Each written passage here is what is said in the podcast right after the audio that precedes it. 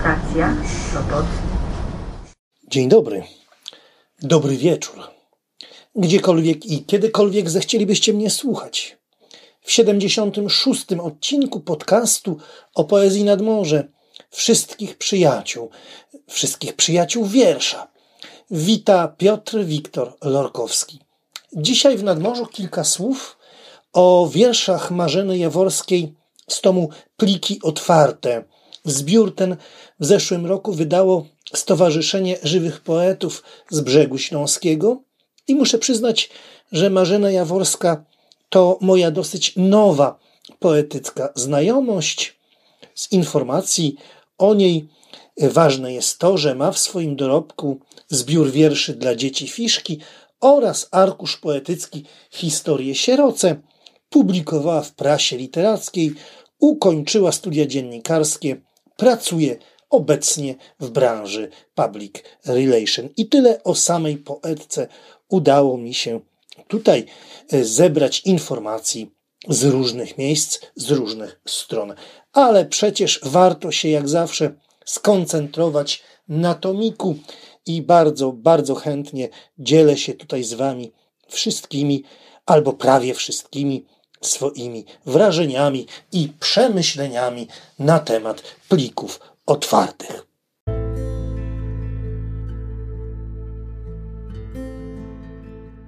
Nam, którzy właściwie jesteśmy już cyfrowymi tubylcami, pojęcie pliku kojarzy się zazwyczaj z porcją informacji zaklętą w zero-jedynkowy szyfr. Istotnie, tomik wierszy Marzeny Jaworskiej sztuką organizowania informacji stoi. Te informacje podlegają zwykle władzy czasownika, bo większości z nich autorka nadała formę zwartych epizodów przynależnych do całości pewnej historii tutaj opowiedzianej. Opowiedzianej zresztą bardzo prosto, konfesyjnie. Podmiotka opowiada w ogóle bez poczucia wyjątkowości, co sprawia, że liczne grono czytelników, a zwłaszcza czytelniczek, łatwo się z nią utożsami, łatwo ją zrozumie. Myślę jednak, że znacznie łatwiej to zrozumienie przyjdzie odbiorcom dorosłym, odbiorcom znajdującym się na już etapie pewnej dojrzałości, bo właśnie wtedy dociera do nas fakt, że oto życie przesunęło nas na obrzeże, zastopowała, zastopowało na jakimś marginesie, że szamoczemy się w egzystencjalnej pułapce z poczuciem rozczarowania i zawodu. Hmm, takie poczucie dopada podmiotkę nawet wtedy, gdy zewnętrznie nie wydarza się u niej nic szczególnie traumatycznego, a jednak coś ją gnębi. Odczuwa życie jako uwierające niewygodą, do tego uwięzione w schematach, w rutynowych zachowaniach. Ten stan okazuje się tym bardziej dotkliwy, im rzadziej w rozwartych do objęć ramionach pojawia się męskie ty. To męskie ty jest bardzo ciekawą tutaj konstrukcją, bardzo ciekawą e, kreacją, e, dlatego że ono w ogóle podejmuje mnóstwo prób porozumienia tych dwojga. E, próbuje rzeczywiście współpracując zbudować taką sytuację, by tych dwoje nawzajem do siebie mimo wszystko dotarło. Y, I dlatego mamy tutaj sporo wierszy napisanych z wielkim wyczuciem na głos męski. Ten mężczyzna jest tutaj bardzo wyrozumiały. Ten, mm, ten mężczyzna wykazuje dużo realizmu w widzeniu siebie i własnej roli wobec tego kobiecego, kobiecego ty. Jest czuły, jest empatyczny, jest wspierający. Przeczytajcie tylko wiersz zatytułowany Hymen, wiersz taki bardzo jednoznaczny, ale oczywiście dominują tutaj monologi kobiece, y, niekiedy rozbrzmiewają one jak skargi ze ślepej uliczki. Zresztą jeden z wierszy ma taki zaułek w tytule. Fakt, że został zatytułowany z francuskiej Cul de Sac bynajmniej nie ujmuje mu melancholii. Można by z początku sądzić, że tekstowe ja byłoby gotowe podzielić się z nami każdym ze swoich przemyśleń, każdym ze swoich odczuć.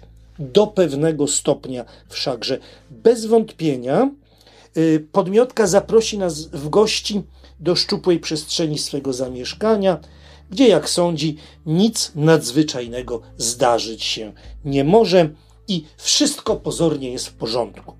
Towarzyszymy jej przy dyskusjach z partnerem prowadzonych momentami bardzo oględnie, ostrożnie, przy całej świadomości, że materia uczuć jest delikatna, nawet wtedy, kiedy się jej nie poetyzuje, a od takich poetyzacji w gruncie rzeczy Marzena Jaworska jest daleka, zachowując oczywiście cały czas poetycki charakter swoich tekstów. Y, mało tego, y, podmiotka udostępnia nawet własny obraz w oczach partnera. Ekshibicjonizmu jednak unika jak ognia, buntuje się przeciwko własnemu położeniu, stara się nad swoim życiem zapanować, a jak pewnie się domyślacie, coś już w tym życiu przeminęło, a coś lepszego albo choćby coś nowego nie chce się zacząć.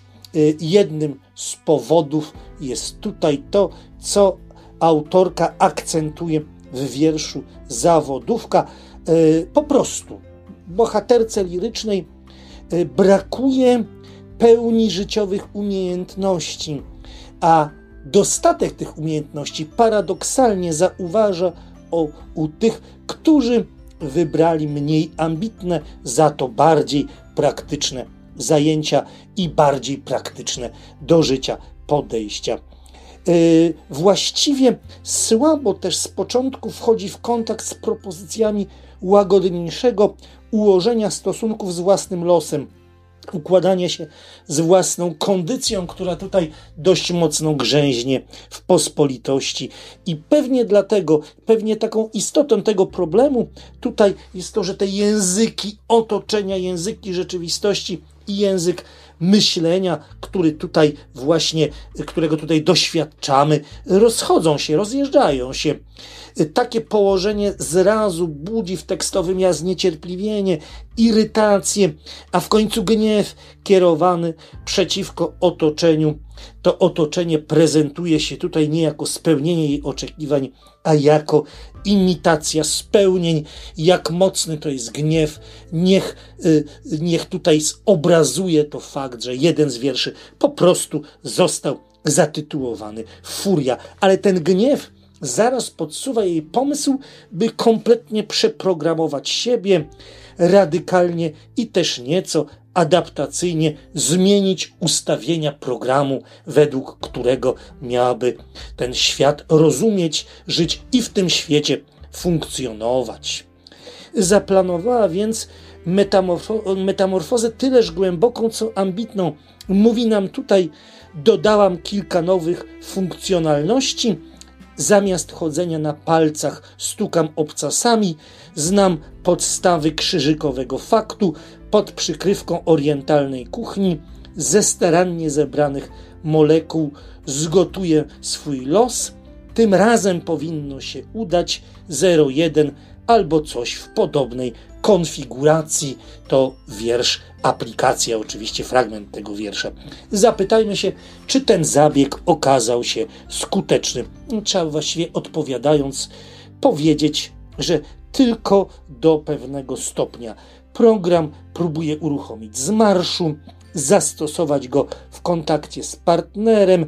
Jak wspomniałem, po prostu partnerem bardzo takim cierpliwym, e, bardzo realistycznym, świadomym właściwie, co pracuje w tej interakcji obojga postaci, ale też trzeba powiedzieć, że ten partner jest w pewnym momencie również świadomy beznadziejności własnej sytuacji, beznadziejności związku. Coś tu najwyraźniej poszło nie tak. Program naprawczy może za wiele miał błędów, albo okazał się nieporęczny w obsłudze. Taki jest tutaj, takie są moje tutaj oczywiście osobiste osobiste refleksje i osobiste przypuszczenia. W każdym razie nie zapobiegł wyczerpaniu relacji. U końca opowiedzianej tu historii widzimy jej główną bohaterkę opuszczoną czy pośrodku pustki. Można by powiedzieć, że to jest typowa historia uczuciowej katastrofy. Ale zaraz powiedzmy sobie, że pliki otwarte to taka historia opowiedziana bardzo sugestywnie, językiem, który czerpie z różnych obszarów doświadczenia, na przykład religia, wojskowość, no i oczywiście informatyka. Scala, scala w ogóle ten język i te poziomy języka yy, poprzez poetka, poprzez włączenie w dwuznaczności związków frazeologicznych. Jednocześnie ta opowieść rozgrywa się w powszednich, zwyczajnych dekoracjach, w których w ogóle los mógłby ustawić wielu z nas. Jeśli ktoś szuka poezji psychologicznie wiarygodnej, to na pewno tutaj ma okazję ją znaleźć.